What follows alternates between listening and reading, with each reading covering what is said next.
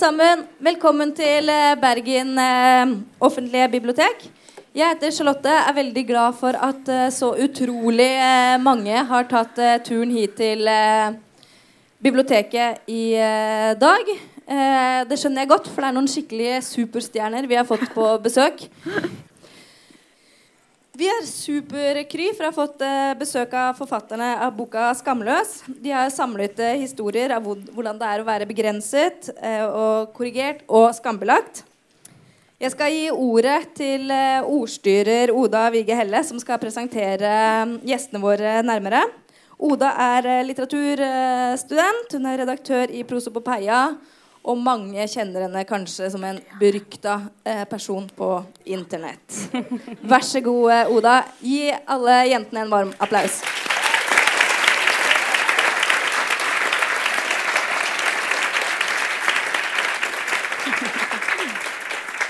Beste tittelen å få. Berykta på internett. Eh, jeg har jo med meg to ganske flotte jenter her. da. Eh, ytterst sitter Sofia. Eh, hun er 23 år og fra Nøtterøy. Eh, og hun er først og fremst feministjævel. Dernest studerer hun juss ved Universitetet i Oslo og er spaltist i Dagsavisen. Nancy ved siden av meg er 21 og fra Haugesund. Eh, hun er student og spaltist, hun òg. Og så sitter hun i Amnestys landsstyre. Og Sånn studere og jobbe. Ja. Og jobbe masse. Voksenjobb, til og med. til og med voksenjobb. Eh, første spørsmålet mitt er hvordan møttes dere? Fordi dere har jo blitt gradvis mer og mer kjent, og nå har dere jo gitt ut denne fantastiske boka som alle må kjøpe og eller låne fra biblioteket. Eh, men hvordan møttes dere før det? Hvordan kom liksom prosjektet i gang? Ja, det var ikke med vilje. Vi bare gikk på hverandre med et uhell på internett. Ja. Eh, I 2014, faktisk. Jeg tror jeg kom bort i, jeg kom bort i Facebooken din. Jeg så at du var engasjert i menneskerettigheter, og det var før debatten. altså. Mm. La hun til, hun aksepterte, og så bare ble vi kjent. Kul eh, du, du var det du pleier å si, da. Ja, jeg bare jeg møtte Sofia, så tenkte jeg sånn Shit, en kul araber. det var nytt. Ja, så tenkte Sofia sånn Oi, en araber som drikker vin. Og jeg bare Ja, var mye intern humor, for å si det sånn. Ja. Altså That's how magic happened, rett og slett. Og så, ja, så skjedde dette med kronikker, da. Det bare skjedde, faktisk. Altså, det, var, Det var ikke eh, planlagt. Det var ikke planlagt. Var sånn, vi var jo begge engasjert for det samme, egentlig. Menneskerettigheter, kvinnerettigheter. Det var jeg også. Um, og jeg var lenge engasjert før det, men mer sånn anonymt engasjert. da, med På privaten og på hjemmebanen og liksom sosiale medier med sine statuser. Eh, før jeg skrev min første kronikk i februar 2016 ca. Um, ja, inspirert av Hadia Tajik, faktisk. Hun skrev eh, en kronikk om um, sosial kontroll. Eh, Og så skrev jeg en kronikk, og så ble, ble det Fride Gammen. Mm. Så vi kjent som Mina, Ja. ja, Mm. som ikke er her i dag fordi hun går på videregående skole og hun har fraværsgrense.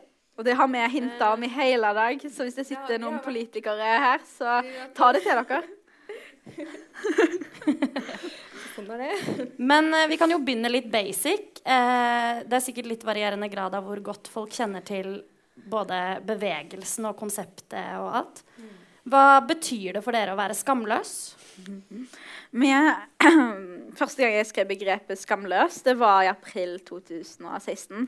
Eh, og det var jo først og fremst eh, ironisk. Og det er jo fortsatt det. Eh, skamløs er jo et skjellsord som man får høre for, for på arabisk. Hvis man er annerledes, hvis man skiller seg ut osv. Uh, og ved å skrive at vi er de skamløse jentene i Aftenposten, så handla det om å ta tilbake definisjonsmakten og eie begrepet, eh, egentlig. Vi er jo ikke egentlig skamløse. Nei. Jeg skammer meg over ganske mye. Jeg ligger oppe og tenker på sånne ting jeg gjorde da jeg var ti, og tenker sånn Fy faen, for et kleint barn du var.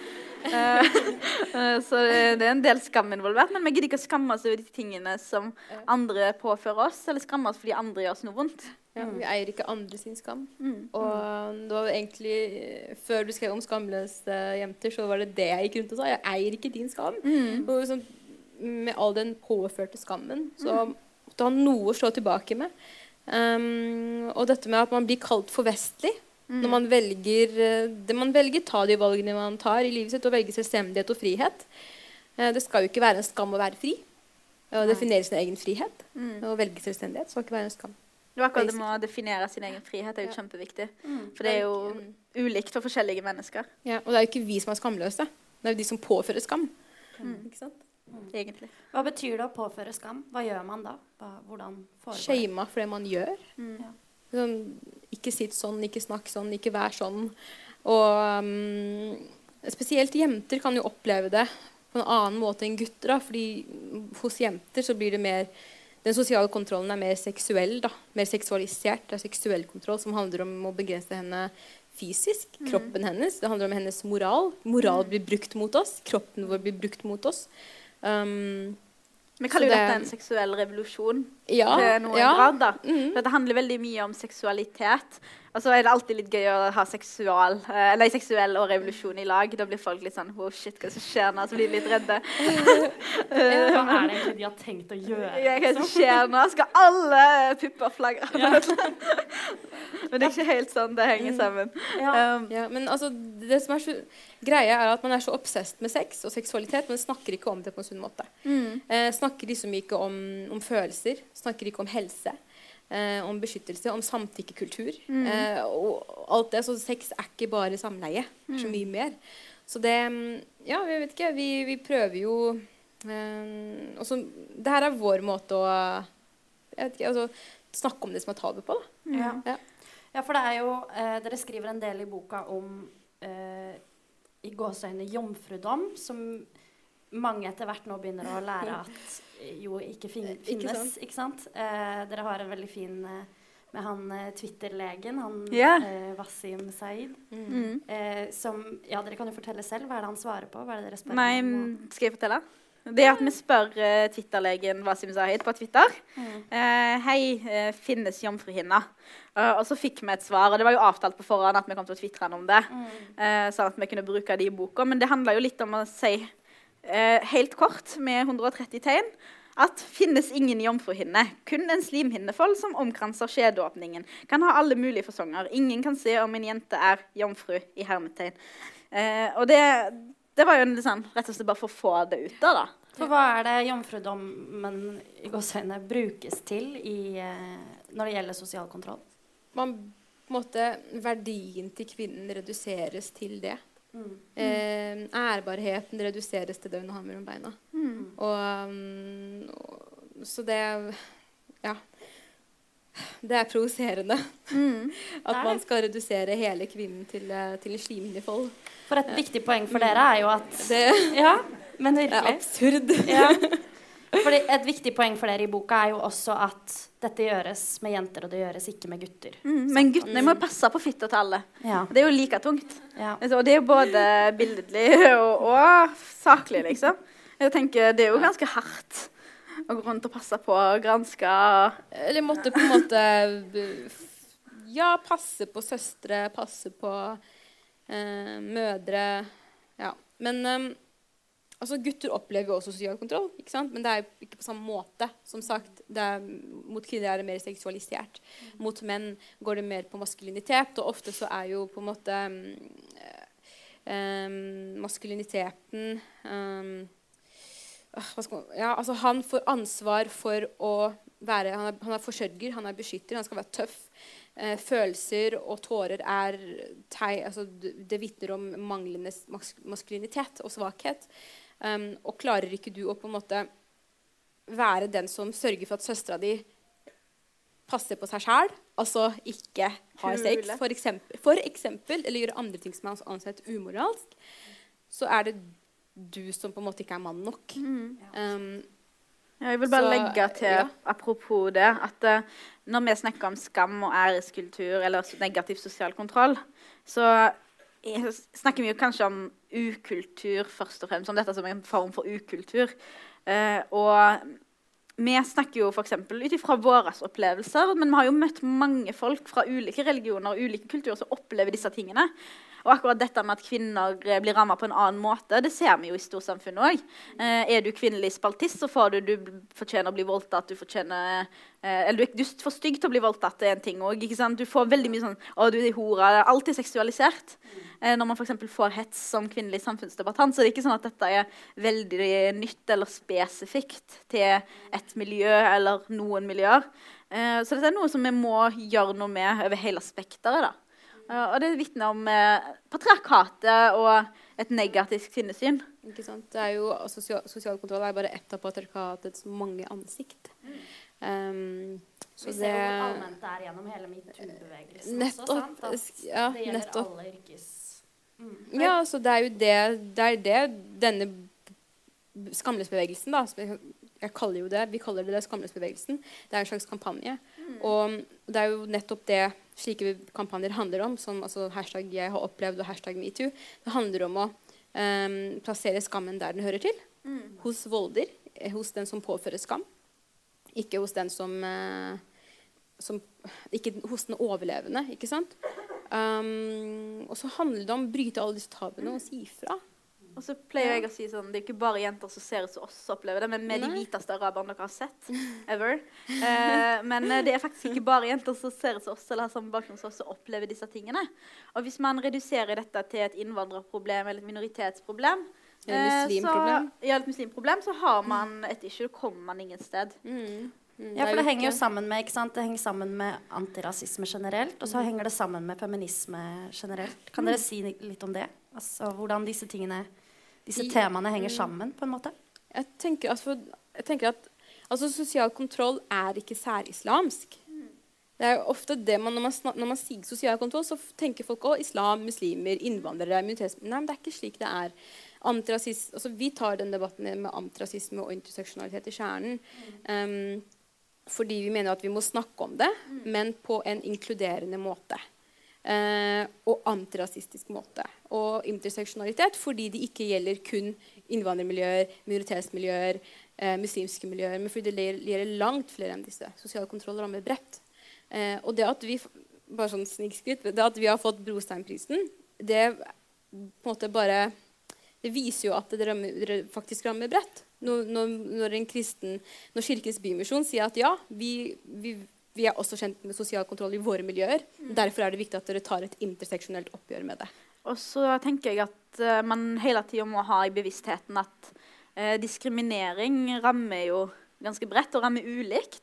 Vi er jo egentlig ganske privilegerte, for det er jo mange diskrimineringsfaktorer vi ikke opplever, som andre opplever. Ja. Det må man si. Ja. Uh, og jeg tenker også når folk sier at ja, men, eh, antirasisme og feminisme det går ikke an å uh, ha det at det, det går jo ikke i lag, eller dere må jo velge, eller uh, dere må jo vel, ta avstand fra et eller annet. Så tenker jeg, jeg blir så frustrert og provosert over at folk hele tida forventer at man skal velge mellom ting.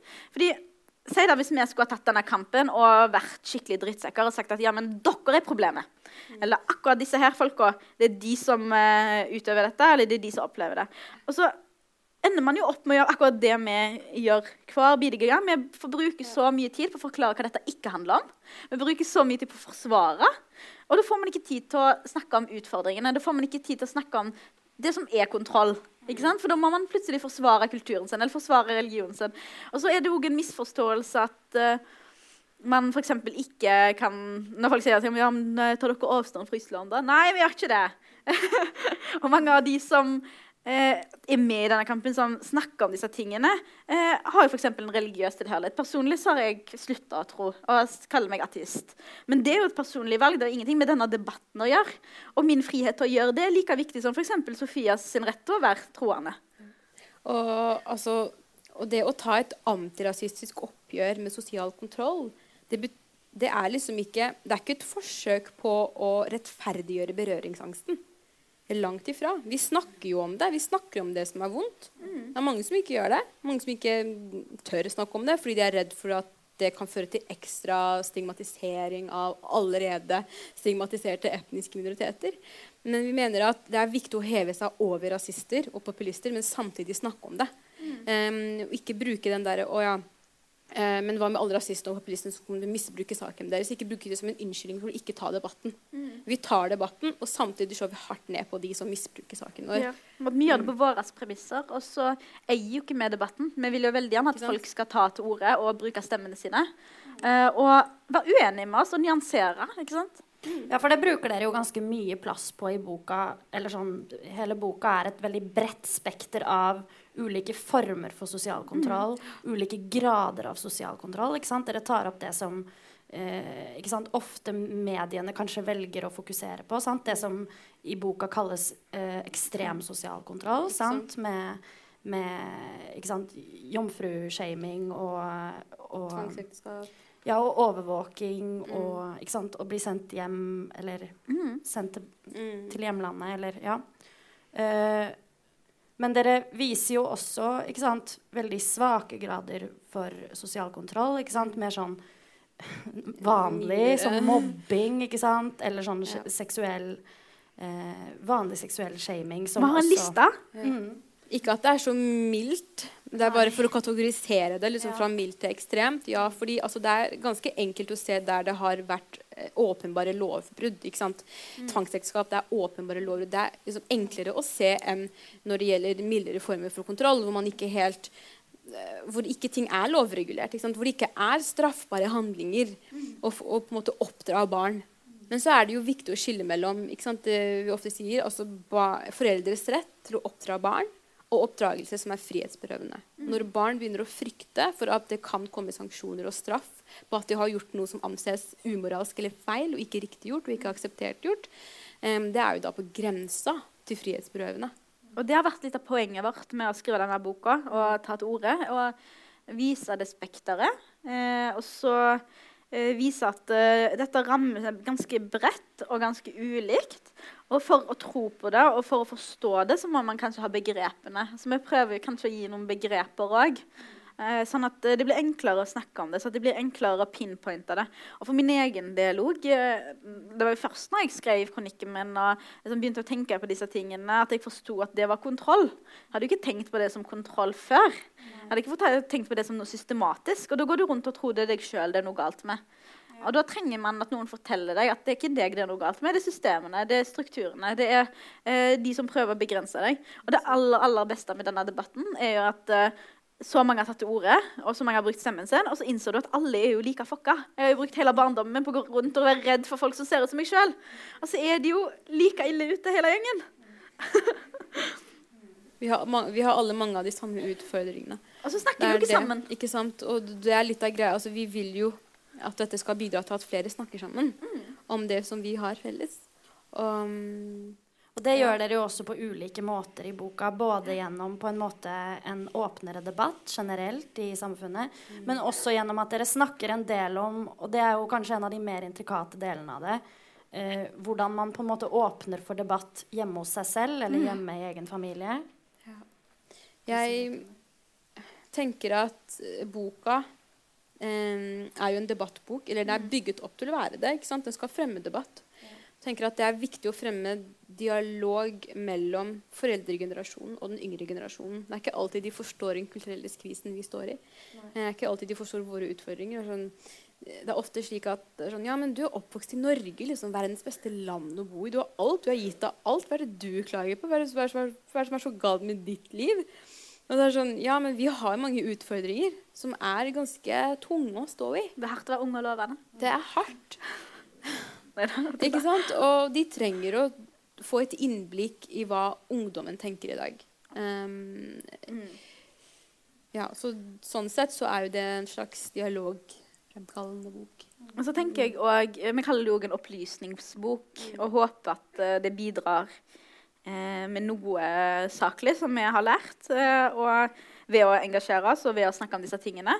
Eh, men eh, vi tenker òg at noe som er viktig, ikke bare i boka, men i debatten generelt og i hverdagen, er at vi forstår at unge mennesker eh, uansett hvilken bakgrunn de har, eller hvor de kommer fra, eh, har veldig mange ulike utfordringer og mange ulike identiteter. Og det er ikke sånn at vi vil velge. Det er ikke sånn at, det, at jeg skal velge enten-eller, eller at fordi jeg er artist, så skal jeg et, eh, liksom, skal jeg plutselig ta et brudd med den tidligere religionen eller kulturen til foreldrene mine. Jeg er glad i foreldrene mine, jeg, eh, og vi gjør jo ikke dette fordi vi hater noen. Og jeg tror mange unge mennesker kjenner på akkurat disse tingene. eh, Kanskje voksne òg, men eh, de har hatt litt lengre tid å tenke på dette. Så ja. Men det å få lov til å bli fortalt at du kan være både og, ikke enten-eller. Du må ikke velge. Du må ikke eh, velge vekk noe. Og det er jo ofte det som er vanskelig. ikke sant? Jeg vil ikke velge vekk noe. Jeg har lyst på alt, jeg. Ja. Ja. Apropos det, kan jeg lese et utdrag fra boka? Som går litt, Er det greit? Sånn, du går litt inn på um, den påfugl... Ja, påfugl. Ja, jeg har den faktisk oppe her. Eh, for jeg har skrevet en tekst i boka som heter 'Som en påfugl'. Alle har sikkert hørt Carpe Diem sang 'Påfugl'. Regner jeg med? Ja, inspirert av det. Så jeg OK. Vi metteri, de, og så signerte de boka vår. Ja, sånn, sånn by the way. Fortsatt starstruck. okay. Når jeg forteller om hvordan jeg fra ung alder ble bedt om å pelle meg tilbake dit jeg kom fra, om da jeg ble trua på livet av en nynazist i samme by på det som en gang het Nettby, som 15-åring, om hvordan en sjåfør en gang tenkte det var morsomt å late som han skulle kjøre over meg i høy fart, om alle gangene jeg ble kalt burkakjerring på skolen og ble sammenligna med Nasrin i, tors i torsdagskveld fra Nydalen, ble kalt ekkel med den tingen på hodet, jeg var innvandrer, og om hvordan noen følte seg berettiga til å spørre om faren min skulle gifte meg bort snart, så gjør jeg det for å opplyse. Jeg er ikke aleine om disse erfaringene. Skremmende mange opplever alt fra erting og mobbing til diskriminering og rasisme på bakgrunn av sin hudfarge, tro og bakgrunn. Når jeg forteller om hvordan jeg har blitt kalt for høylytt fordi jeg sier fram urett, for vestlig fordi jeg snakker, om, snakker fritt om kvinnekroppen og kvinnens seksualitet, falsk muslim, vantro, oppmerksomhetssyk fordi jeg tok av meg hijaben, eller blitt fortalt at, at, av folk med samme bakgrunn som meg at å slutte med hijab det er likestilt med å spise svin og drikke alkohol, så gjør jeg også det for å opplyse. Jeg er ikke alene om disse erfaringene heller. Og jeg har ikke opplevd ekstrem kontroll, men jeg har gang på gang opplevd både som muslimsk kvinne og kvinne i samfunnet generelt at folk tror de har noe de skulle sagt om kroppen min. Jeg har blitt pådytta sosiale normer om dydighet og ærbarhet. Og jeg har blitt shamet for å bruke hijab og fordi jeg mener noe som helst om kvinnerettigheter. Så hva gjør man når man blir fortalt av folk rundt at man enten er for mye eller aldri nok? Altfor muslim, ikke nok muslim, altfor høylytt, ikke ærlig, altfor norsk, aldri norsk nok. Jeg har ikke noe fasitsvar, men det handler om å finne balansen. For meg var et av høydepunktene da jeg sa ifra til han som slang stygge kommentarer bak min rygg, at det ikke er greit. Et annet var da jeg begynte å si fra urett og utfordre inngrudde oppfatninger som begrenset jenter og kvinner hos bekjente. Et annet, og kanskje det som betyr mest for meg, var det siste semesteret på videregående. Jeg skulle gå i russebukse. Jeg skulle matche en knæsj blå hijab til russebuksa. Jeg skulle male en påfugl på den, og jeg skulle trykke 'påfugl' i store bokstaver på den. Herregud, så klisjé, tenker jeg nå. Men jeg hadde hørt mye på Karpes sang 'Påfugl', som traff meg, og som jeg ville bruke som et statement. Det var en fuck you til alle som følte de var berettiga til å mene ting om livet mitt, og gjorde det vanskelig for meg.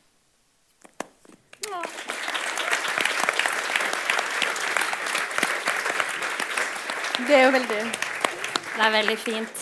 Det er veldig fint. Um, Det er veldig oppsummerende. Det er det, Eh, For det det er er veldig- noe mange av oss opplever. ikke sant? Disse her, flere sidene. Det er ikke, det er ikke svart-hvitt. Det er ikke enkelt. Og den polariseringen er farlig. Mm. Derfor er det så viktig å snakke om også Ja, man kan gjerne snakke om bekjempe sosial kontroll, men når man ikke snakker om rasisme i tillegg, og diskriminering i tillegg, altså, da når man ikke ungdommen som trenger det. Man når ikke de som trenger um, at vi liksom tar Ok, ja, vi trenger å ta sosial kontroll-kampen, men vi også, trenger også ta kampen mot rasisme for å inkludere.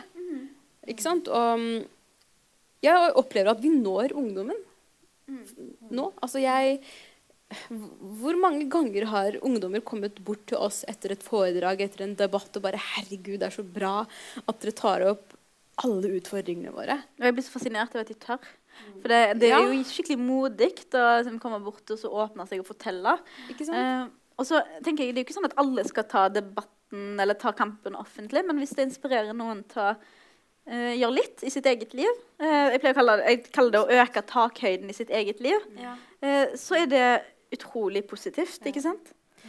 Det er jo også noe dere kommer tilbake til flere steder. ikke sant? Dette her med å selv gi for at andre skal klare, eller for at andre skal tørre, eller for at andre skal føle at det er takhøyde for at de skal kunne øke sin egen takhøyde i sitt eget liv. Eh, har dere følt på et eller annet tidspunkt at det har nådd en topp? At det har vært noe som er for langt, for vanskelig, for tungt? Eller Jeg tror det viktigste er jo at vi ikke er ærlige om begrensningene våre. Vi er jo ikke psykologer, vi er ikke helsepersonell, vi er ikke pedagoger. Eh, og det er en ærlig sak. Men vi kan jo være et medmenneske. Og det er jo mange mennesker som vi har møtt, som, eh, i hvert fall for min del, som har satt sitt preg. Som eh, jeg tekster en gang iblant bare for å høre hvordan det går, liksom. Og, og det betyr utrolig mye at folk tør å åpne seg.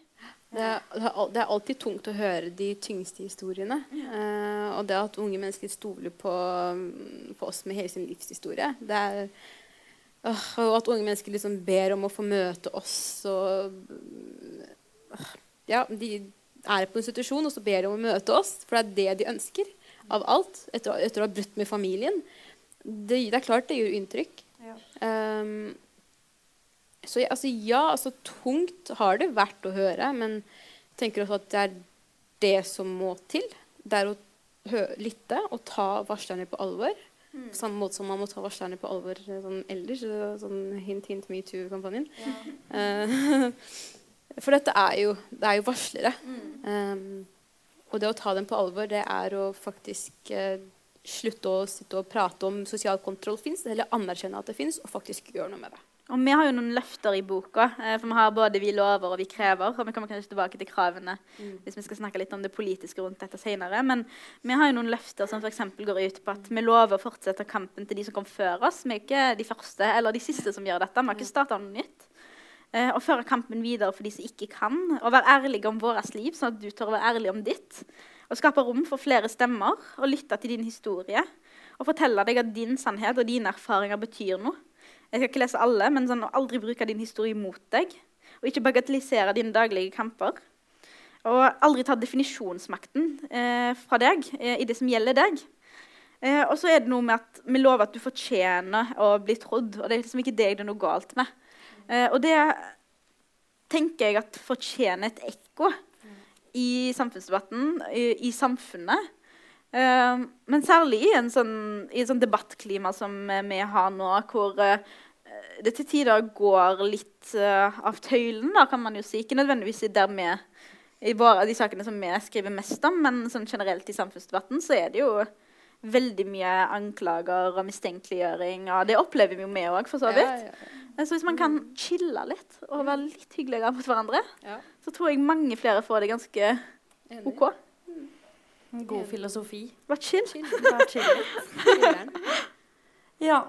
eh, vi kan godt fortsette eh, litt med det politiske med en gang, hvis du har lyst. At vi snakker litt om eh, Dere har jo bl.a. blitt hylla av eh, Hadia Tajik i Ap. Nei, nå trodde jeg du skulle si noe annet, bare Nei, jeg tenkte på Hva tenkte du på? På store slipp. Nyttårstale, Erna Solberg Men dere blir jo hylla overalt. Det var veldig stas med nyttårstalen, altså. Ja, det er bare ja, ja. tulla. Men uh, vi har jo fått spørsmålet to ganger tidligere. Ja, dere fikk jo skryt av statsministeren, men uh, dere gikk jo ut og utfordra. Ja, det var viktig for Men det er viktig, ikke sant? Det er viktig å si fra Altså, Du får ikke ordet. Jo, det er ikke jeg som skal ha beklager. det. Beklager. Nei, men det bare fortsett. Nei, men du hadde et spørsmål. Jeg bare tenkte på, fordi ehm, nå har dere jo ikke sant, Dere ble jo veldig tidlig anerkjent av Hadia Tajik. Nå ble dere, fikk dere også i nyttårstalen. Uh, jeg lurer på i hvilken grad har dere følt at det fantes en plass for dere i debatten fra før, versus å føle at dere har tatt den selv? Oi, det er et vanskelig spørsmål. Ja, uh, fordi det, vi har liksom Det har jo vært Altså, folk har stått i denne debatten før oss. Eh, men jeg føler at man kanskje sto litt mer alene før. Det var litt mer sånn enkeltpersoner som snakket om enkelte ting, og var mer Det var liksom ikke et fellesskap, ikke sant?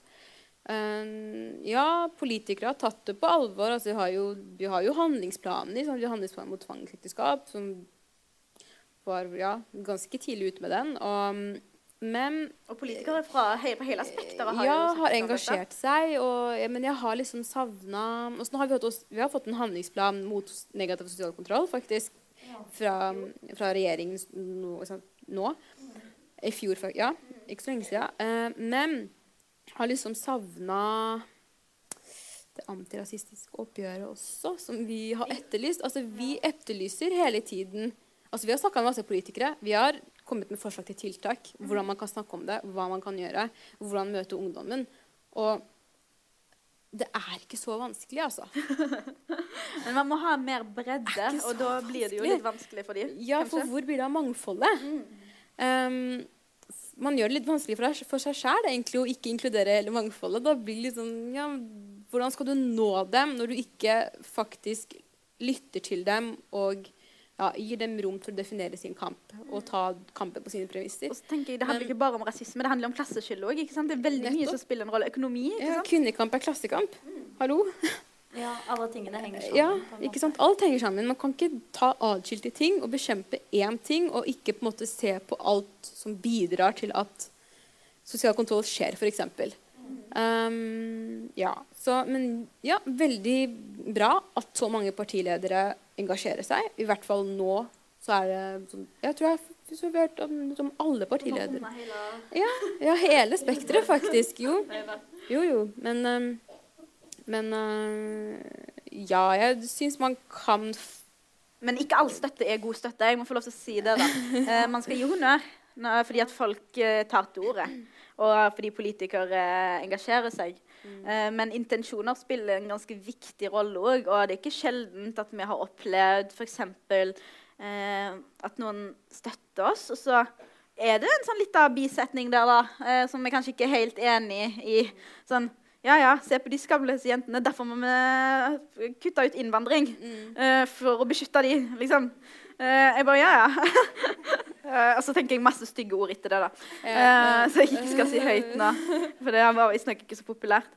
Men ikke all støtte er god støtte. Og du kaller det liksom-solidaritet. Jeg synes Det er et veldig godt begrep. egentlig. Men jeg vil ikke ha liksom-solidaritet. Og så tenker jeg at det, er, det har kanskje noe med at vi har kommet så langt å gjøre, og at så mange bryr seg. Vi har faktisk råd til å være litt kravstore eh, og ha litt forventninger til folk som er våre eh, politikere, folk som skal representere oss. Da må de faktisk representere hele landet, ikke bare en uh, liten gruppe eh, Altså, mennesker. ikke sant? Ja, mye handler om retorikk. Eh, uten å gå nærmere inn på det. Men, men, men altså, det er ikke bare politikere som har et ansvar her. Det er jo også, også f- samfunnet generelt. Vi vet at rasister og populister gang på gang har prøvd å misbruke saken vår. Til å bare «Å, se, ja, Det går ut til helvete i de innvandrermiljøene. Vi må snart eh, Nei, nå. Ikke sant? De skamløse jentene er et godt eksempel på at det går til helvete. Så det er sånn OK, greit. Men så er det jo de som ser at dette ikke er et problem òg. Ja, som, er, ja, så på den andre siden er det de som mener at det ikke, ikke er et problem, at uh, sosial kontroll ikke fins. at vi har bare funnet opp, og dette kommer vanligvis fra de, noen av de miljøene vi kritiserer. Men noe av det som provoserer meg mest, er hobbyfeministene. da. Eh, hobbyfeminister. Såkalte Altså disse som er feminister når det passer seg.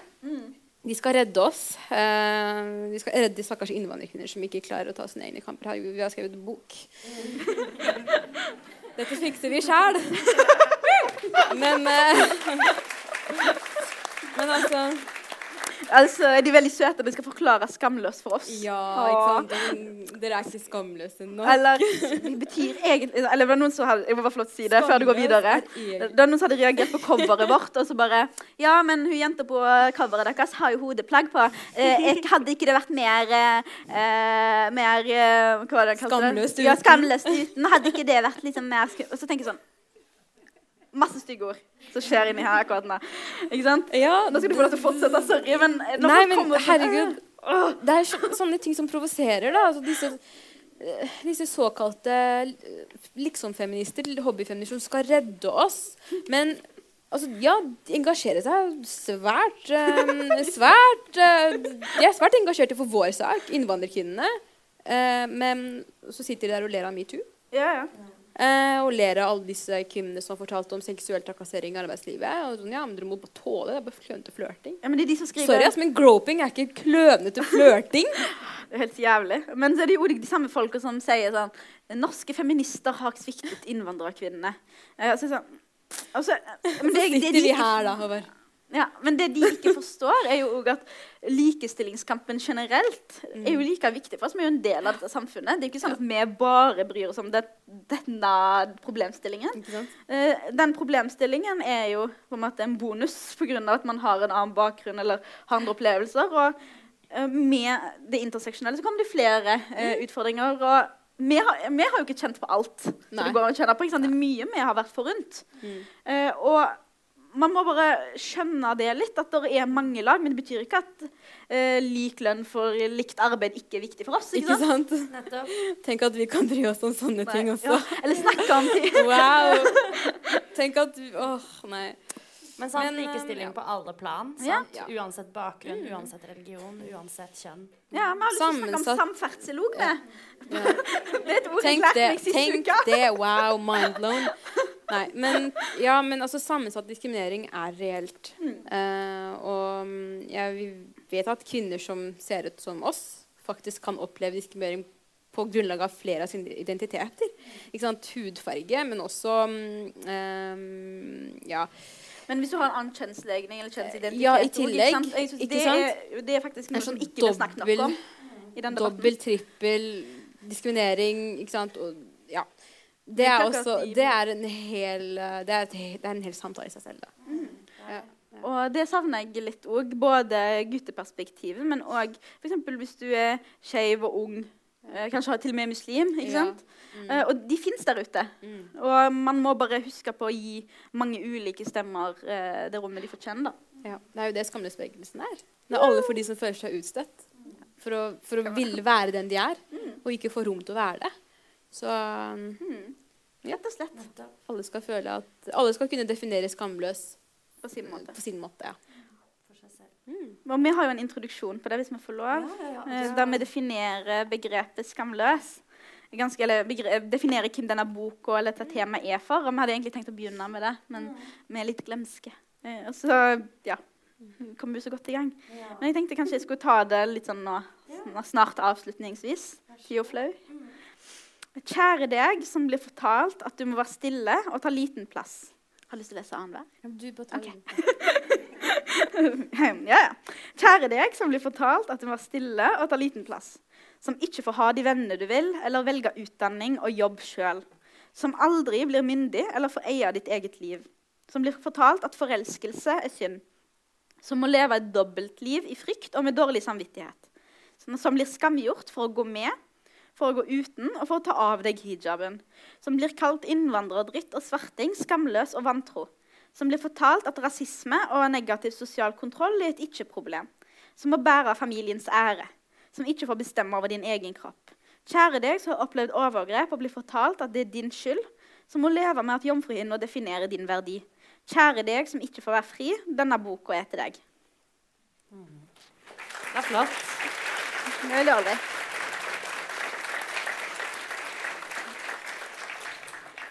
Kjempefint. Og dere står jo virkelig for eh, Nå har vi jo snakka litt om det å, å heve takhøyden. Sant? Det er jo virkelig det dere står for nå i den norske debatten. Eh, jeg har lurt litt på i hvilken grad har dere følt at eh, dere ikke får lov til det? At dere fortsetter å bli tatt på en måte på de symbolske tingene, sant? som å ta av hijaben, eller eh, som å eh, ikke sant? Fortsatt se sånn og sånn ut. Ja. Eh, I hvilken grad blir dere tatt på de veldig sånn eh, konkrete tingene da, som er lett å snakke om, på en måte? sant? Føler norsk debatt ofte handler eh, rundt ikke sant? Får uh, muslimske kvinner lov til å kle seg som de vil eller ikke? ikke sant? Ja. At det får lov til å styre. Ja. Vet ikke hva dere Jeg fikk jo mange en sånn Har du lyst til å komme og argumentere mot burkini? Jeg bare sånn, ja, men jeg er ikke mot burkini. Ikke sant? Eh, For eksempel. Men jeg tror vi har et ansvar sjøl til å ikke bare ta de tingene og Ja. etablere oss som Ja. andre ting òg. Jeg får spørsmål stadig ikke om jeg har lyst til å snakke om steining. Men jeg er sånn mm, Not really. Men eh, Nei, men eh, ja, altså det er ofte vi blir jo, altså, Man blir redusert på en måte til å være bare muslim, og da er man plutselig ekspert på islam og hele Midtøsten og hele Arabia. Og det er sånn okay, Wow! Kan alle lovene i Iran, liksom. Ja, ja. Nei, men um, Og Saudi-Arabia. Det er alltid Saudi-Arabia. Saudi-Arabia ja, forresten, det er en viktig sak. Ja, det er viktig å engasjere seg for. Ja, ja. Eh, men da kan man gjøre det på saklige måter. Men vi er liksom ikke fasiten. Det er det. Vi er ikke talspersoner. Vi er ikke fasiten. Men uh, ja, jeg, jeg stiller gjerne opp til å snakke om valgfrihet, men jeg vil gjerne ikke å snakke om min privat, altså min personlige hijab. Jeg vet jeg har skrevet om den, men jeg kan velge å ikke snakke om den på nasjonal TV, f.eks. Um, jeg er litt lei av å bli spurt om den, for å være ærlig. Uh, fordi, så jeg vil gjerne snakke om valgfrihet. Retten til å bruke den, til å ta den av, til å velge den bort. Og basically det. Så enkelt er det. Enig med deg. Voksne, voksne som tar frie valg, det, det er opp til dem og hvordan de definerer sitt plagg. Og så kan man utfordre holdninger som er f.eks. de som mener at kvinner er seksuelle vesener, og derfor må de dekkes til. Men jeg er enig med deg, og det er jo ikke sånn at vi gjør alt i lag. Jeg må bare si det. Ja, Dette er Ja. en av de sjeldnere tilfellene. Og når vi stiller opp på ulike ting og snakker om ulike ting og velge, prioritere ulike saker, så har det òg vært viktig for meg å finne tilbake til det rettighetsperspektivet. For fordi, eh, jeg begynte å engasjere meg i, f.eks. i Amnesty for sju år siden. Og menneskerettighetsperspektivet har vært kjempeviktig for min del. Og dette er bare en forlengelse av det. Dette er ikke noe nytt. Det handler om helt grunnleggende rettigheter. Og da må man faktisk være flink til å si nei når man ikke føler man har noe å bidra med. For det første. For det er jo mange temaer som jeg vet jeg ikke kan si nok om, men så vil folk ha en mening. De vil ha noe som selger. Eh, og da sier du nei, vet du hva, det vet jeg, kan jeg faktisk ikke nok om. Eh, og så må vi ikke rote dette bort til at vi sier, står her og sier dumme ting. fordi vi er jævlig privilegerte. Vi blir hørt veldig ofte. Eh, liksom, vi er veldig ofte i media. Vi eh, får lov til å komme på arenaer som dette her, og det må man eh, forstå.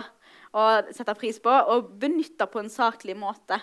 Eh, rett og slett eh, ta Ikke bare ha et, eh, et ytringsfrihet, men også ta et ytringsansvar. Ikke sant? Vi, altså, vi har fått en enormt stor plattform, og vi, da har vi et ansvar å bruke den riktig. Og prøve å dra opp andre òg. Ja, ikke sant? Um, og ja, jeg altså, Det at en journalist mener jeg kan svare på noe, det Betyr ikke at du kan det. betyr ikke at jeg faktisk kan det. Da sier jeg heller snakk med en forsker, du. Jeg har ikke forska på det her. Så ja.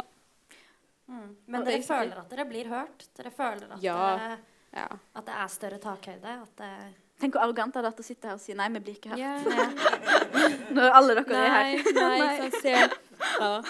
Men Ingen som bryr seg.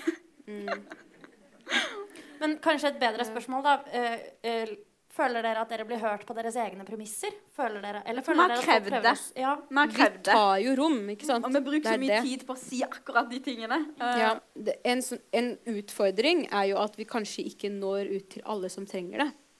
Virkelig trenger å høre om sosial kontroll. F.eks. Mm. de som lever i hjem hvor det er null mulighet altså, Strenge regler for hva man kan gjøre, hvor man kan dra. Eh, Mm. kanskje Internett til og med, som ikke får med seg debatten. Eh, som sitter der hjemme og ikke aner at det foregår eh, noen debatt om sosial kontroll og skamløse jenter, f.eks. Det er den største utfordringen. Mm. Um, så det, det er litt sårt å tenke på. Men det kommer jo forhåpentlig også etter hvert, da.